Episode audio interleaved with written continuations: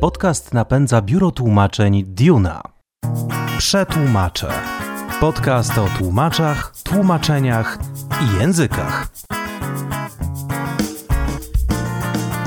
Witam serdecznie, nazywam się Błażej Grygiel i zapraszam na kolejny odcinek podcastu Przetłumaczę. Jakiś czas temu próbowaliśmy rozwiązać zagadkę, jak tłumaczy się nazwy stworzeń, zwierząt, które nie istnieją, jak nadawać nazwy książkom magicznym, czy jak tłumaczyć teksty zaklęć, które nigdy nie istniały w naszym języku. Teraz próbujemy podbić poprzeczkę jeszcze wyżej i porozmawiamy z tłumaczką, która uczestniczyła w wyjątkowym projekcie. Zew Cthulhu to gra fabularna, wydana w Polsce po raz kolejny. W jej siódmej edycji znajduje się mnóstwo nawiązań m.in. do prozy Howarda Phillipsa Lovecrafta, który sam tworzył wyrazy, tworzył nazwy swoich bohaterów, tak by nie dało się ich wymówić. Nie dość, że samo tłumaczenie skomplikowanych zasad gry fabularnej jest trudne, to jeszcze materiał źródłowy w postaci literatury Howarda Phillipsa Lovecrafta i jego przyjaciół oraz uczniów jest dodatkowym wyzwaniem. Jak sobie z nim poradzić? Udało mi się porozmawiać z Anną Marią Mazur, która uczestniczyła w zespole tłumaczy i redaktorów przygotowujących siódmą edycję podręcznika do gry Zew Cthulhu dla polskiej społeczności miłośników RPG. Posłuchajcie naszej rozmowy. Uczestniczyłaś e, w Zewie. To jest ogromny podręcznik. Ja akurat mam kopię w domu. E, sama przetłumaczyłaś cały podręcznik, czy nadzorowałaś zespół ekspertów, ludzi, którzy to robili? Jeżeli chodzi o Księgę Strażnika Tajemnic, pracowaliśmy w czteroosobowym zespole. To byłam ja, e, Maria Piątkowska, Jacek Czuba i Michał Kubiak. I naszą pracę koordynował redaktor naczelny, którym był wtedy Jerzy Rzymowski, a jego redaktorem pomocniczym merytorycznym był Adam Wieczorek.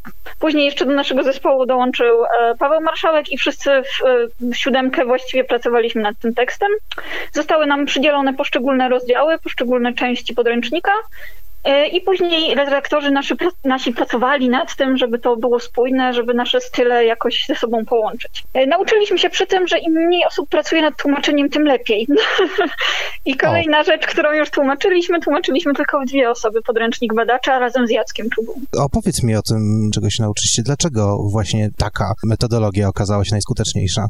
Bo kiedy tłumaczyliśmy w te cztery osoby, wszystko było ok, każdy zrobił to, co miał zrobić w terminie i tak dalej, ale wiadomo, że każdy z nas nas miał trochę inny styl pisania. I później redaktorzy mieli bardzo dużo pracy z tym, żeby nas ujednolicić, żeby ten podręcznik w całości brzmiał tak, jakby pisała go jedna osoba, żeby łatwiej było naszym odbiorcom jednak sobie przyswoić to wszystko, co napisaliśmy.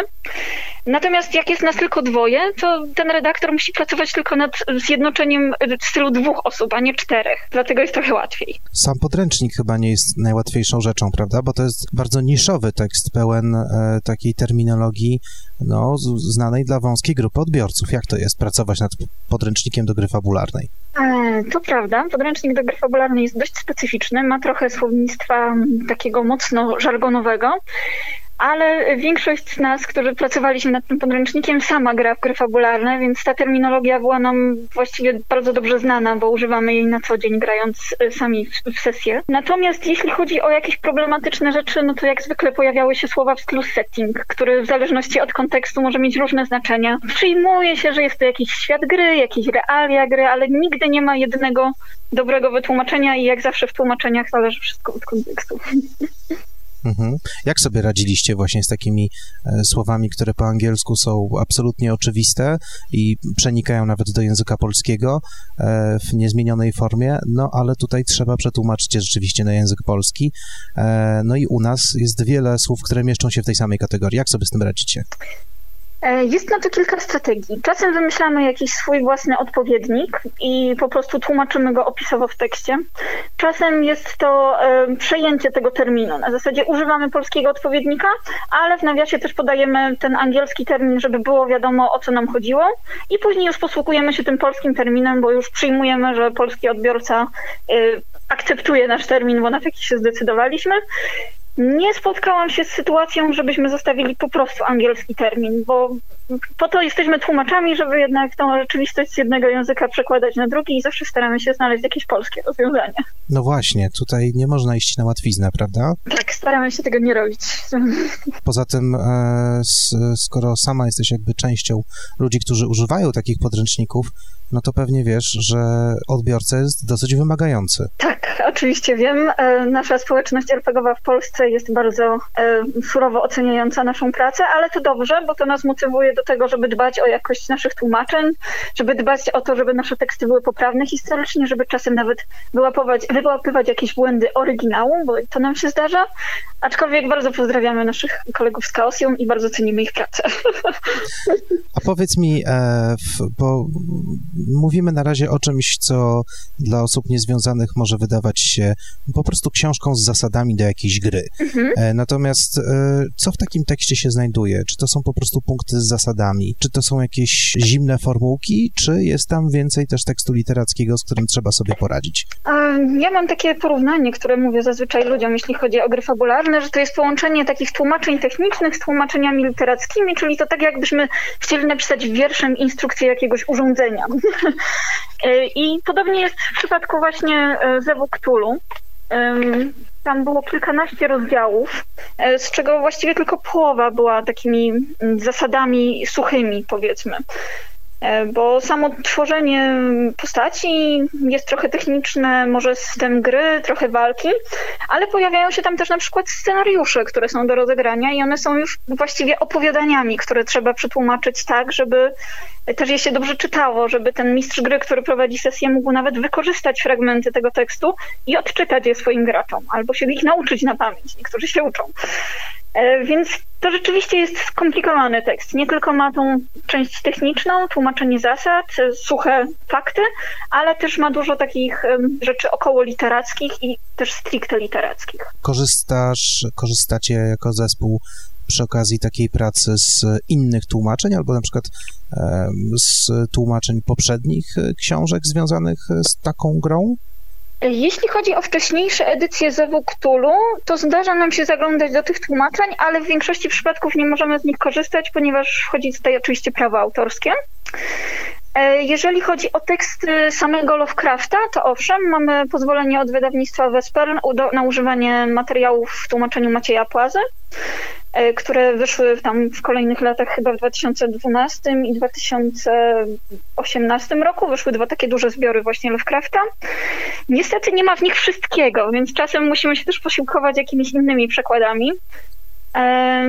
Z Ryszardy Grzybowskiej już nie korzystamy, bo to był pierwszy przykład Lovecrafta, ale zdarza nam się używać tłumaczeń Katarzyny Maciejczyk, czy Mateusza Kopacza, czy Radosława Jarosińskiego. O te tłumaczenia chciałbym cię zapytać, mhm. bo gra, którą się zajmujecie, bazuje właśnie na prozie Howarda Phillipsa Lovecrafta, tak. która pisana jest, jest to pisane bardzo specyficznym językiem, e, bardzo specyficzną e, angielszczyzną.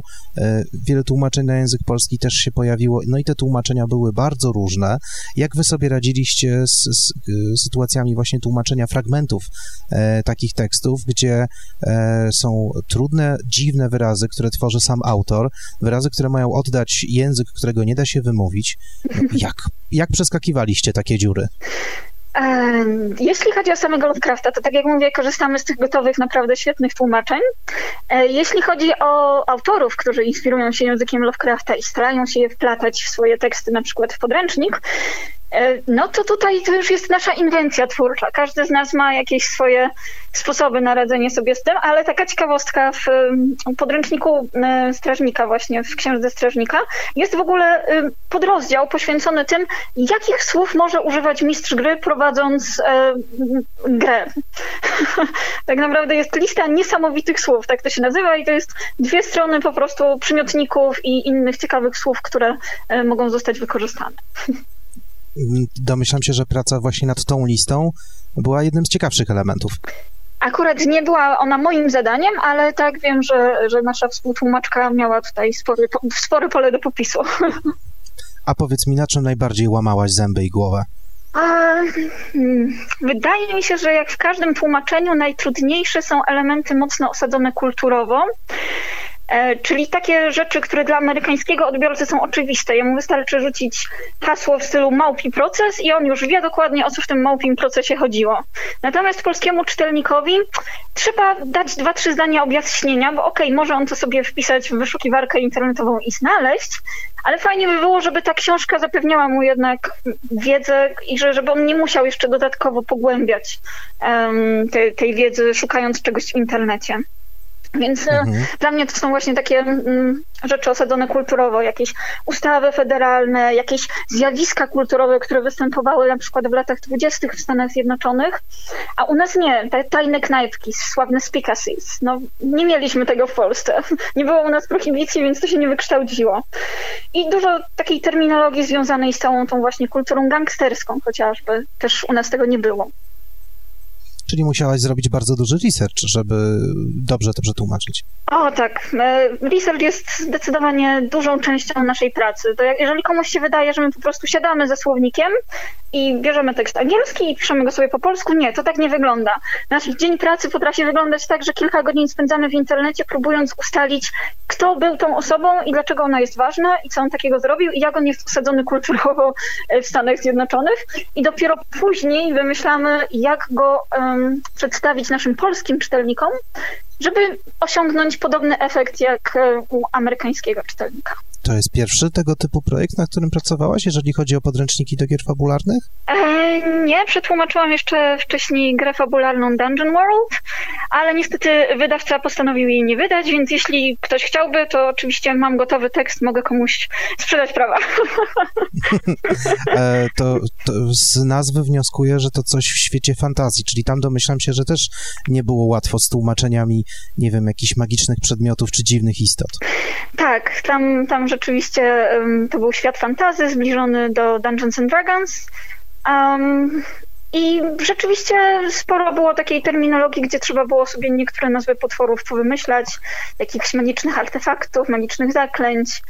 E, więc tak, to, to było wymagające pod innym względem, ponieważ tutaj trzeba było iść w taką zupełnie swobodną fantastykę i wymyślać i wykazać się większą inwencją, natomiast tutaj trzeba raczej trzymać się faktów i próbować przedstawić te rzeczy e, historycznie ważne polskiemu odbiorcy, tak żeby były dla niego równie zrozumiałe. Powiedz mi, czy to e, ta jakby gałąź e, tłumaczeniowa, właśnie gry fabularne, to jest twoje główne zadanie, czy specjalizujesz się w czymś innym? Przez ostatnie dwa lata, tak, to jest główna, główna moja specjalizacja, to są gry fabularne, ale oprócz tego tłumaczę jeszcze poezję, co jest ciekawym połączeniem, bo y, ma, mało osób tłumaczy poezję, zwłaszcza, że ja tłumaczę głównie na angielski poezję y, polską. E, więc to, to jest dość nietypowe zajęcie w naszym świadku tłumaczeniowym. Powiedz mi, jakie tu są wyzwania, bo to jest bardzo ciekawe. Jak się tłumaczy polską poezję na język angielski? Jest to dość specyficzne, bo um, to, co przemawia do polskiego odbiorcy, niekoniecznie wzbudzi te same emocje w odbiorcy anglojęzycznym. E, I o ile pierwszy tomik wierszy, który tłumaczyłam, to był tomik pani Izabeli Zubko i um, on był faktycznie o emocjach, o związkach międzyludzkich. To, to jeszcze było takie dość uniwersalne, bo każdy z nas te emocje gdzieś tam kiedyś zna, rozpoznaje je dość intuicyjnie. Natomiast kolejna rzecz, drugi jej tomik, który tłumaczyłam, to były wiersze religijne. I one są już tak mocno osadzone w naszym kontekście chrześcijańskim, że kiedy usłyszałam, że ktoś chce to tłumaczyć na język telugu, jeden z indyjskich języków, to było dobrze, więc muszę to zrobić tak, żeby po angielsku to brzmiało na tyle ciekawie i na tyle zrozumiale dla tego indyjskiego odbiorcy, bo to oczywiście było tłumaczone z mojego przykładu z angielskiego, nie bezpośrednio z polskiego, że żeby w nim wzbudzić podobne emocje tych uczuć religijnych. To było naprawdę trudnym zadaniem, bo to jest zupełnie inna kultura, zupełnie inna wrażliwość. Czyli e, tworząc jeden przekład, już miałaś w głowie, co z tym przekładem się stanie i kto go następny przełoży. Tak, starałam się brać to pod uwagę, że, że po moim, z mojego tekstu będzie korzystał tłumacz na talugu i, i że będzie musiał y, przełożyć to na jeszcze inną kulturę, jeszcze inny język. Paradoksalnie wydaje mi się, że tłumaczenie mm, y, podręczników fabularnych i tej rzeczywistości kulturowej amerykańskiej jest trudniejsze, ponieważ poezja jest na tyle ulotną formą i na tyle mm, subiektywnie ją odbieramy, że niezależnie od tego, co ja zrobię z tym tekstem, ktoś od, odczuje jakieś emocje w tym tekście. Natomiast w tekście opartym na faktach, czyli taka mm, kulturowa transpozycja tych rzeczy za, zakorzenionych w amerykańskiej kulturze, jest trud, trudniejsza, bo ludzie mają jakieś wyobrażenie z filmów, z książek, z internetu. Teraz po prostu każdy może sobie znaleźć dokładnie opisaną każdą właściwie kulturową sprawę z lat dwudziestych w internecie. I, I ja muszę jakby starać się trafić w te oczekiwania, bo ktoś chciałby, żeby było więcej o gangsterach, ktoś chciałby, żeby było więcej o czymś innym. I ja nie zawsze jestem w stanie utrafić w te e, oczekiwania właśnie czytelników, żeby każdy znalazł dokładnie to, czego oczekuje od tego tekstu, bo ktoś na przykład interesuje się bardziej nie wiem, bronią, e, która była w latach dwudziestych, a my tam mamy tylko jeden malutki rozdziałik, który możemy na to poświęcić i nie możemy też go nie wiadomo jak rozbuchać, więc nie możemy też e, dodać dużo od siebie. A niektórzy woleliby, żeby bardziej skupić się na aspektach, nie wiem, muzycznych albo filmowych, które też są ważnym elementem tamtej kultury. Czyli wychodzi na to, że najtrudniejszy w tej pracy jest klient. To chyba jak przy każdym tłumaczeniu, że musimy myśleć o tym wzorcowym e, e, odbiorcy, który będzie czytał nasz tekst i który chce z niego wyciągnąć to, co najważniejsze, czyli w naszym przypadku czytelnie napisane zasady i dobrze wykreowany świat gry. Mhm. Powiedz mi, czy jest e, rodzaj poezji, czy, czy wreszcie jakiś, e, no to już użyję tego słowa, setting, e, który, który marzy ci się do przetłumaczenia? Właściwie Zewktulu jest moim ulubionym systemem gry fabularnej, więc po prostu marzenia się spełniają, tak? Więc ja, ja już mam swój, swoje spełnione marzenie. Teraz bardzo chciałabym przetłumaczyć jakieś konkretne kampanie, scenariusze może z tego systemu, które, które są mi w jakiś tam sposób bliskie. E, chociaż obecnie właśnie pracujemy nad maskami Nierlatotepa e, razem z Adamem Wieczorkiem e, i, i to jest nasz obecny projekt, który jest jedną z moich ulubionych kampanii, więc właściwie moje RPGowe marzenia tłumaczeniowe już się spełniają. A poetyckie? A poetyckie? Hmm, myślę, że chciałabym kiedyś przetłumaczyć Jacka Podświatło, bo jest jednym z moich ulubionych autorów, ale nie wiem, czy bym się podjęła. Tak naprawdę jego poezja jest trochę trudna i często opiera się na grach słownych, więc e, nie wiem, czy, podo czy podołałabym, czy język angielski nie jest zbyt ograniczony i czy moje umiejętności nie są zbyt ograniczone, żebym dała radę. Trzymam kciuki, mam nadzieję, że zmierzysz się z sukcesem. Dziękuję za tę rozmowę. Również Ci bardzo dziękuję. Mam nadzieję, że jeszcze nie raz będziemy mogli porozmawiać o tłumaczeniach i nie tylko. Z pewnością do tego typu rozmów będziemy jeszcze wracać, a tymczasem zapraszam Was na kolejny podcast Przetłumaczę, o czym przekonacie się już za tydzień.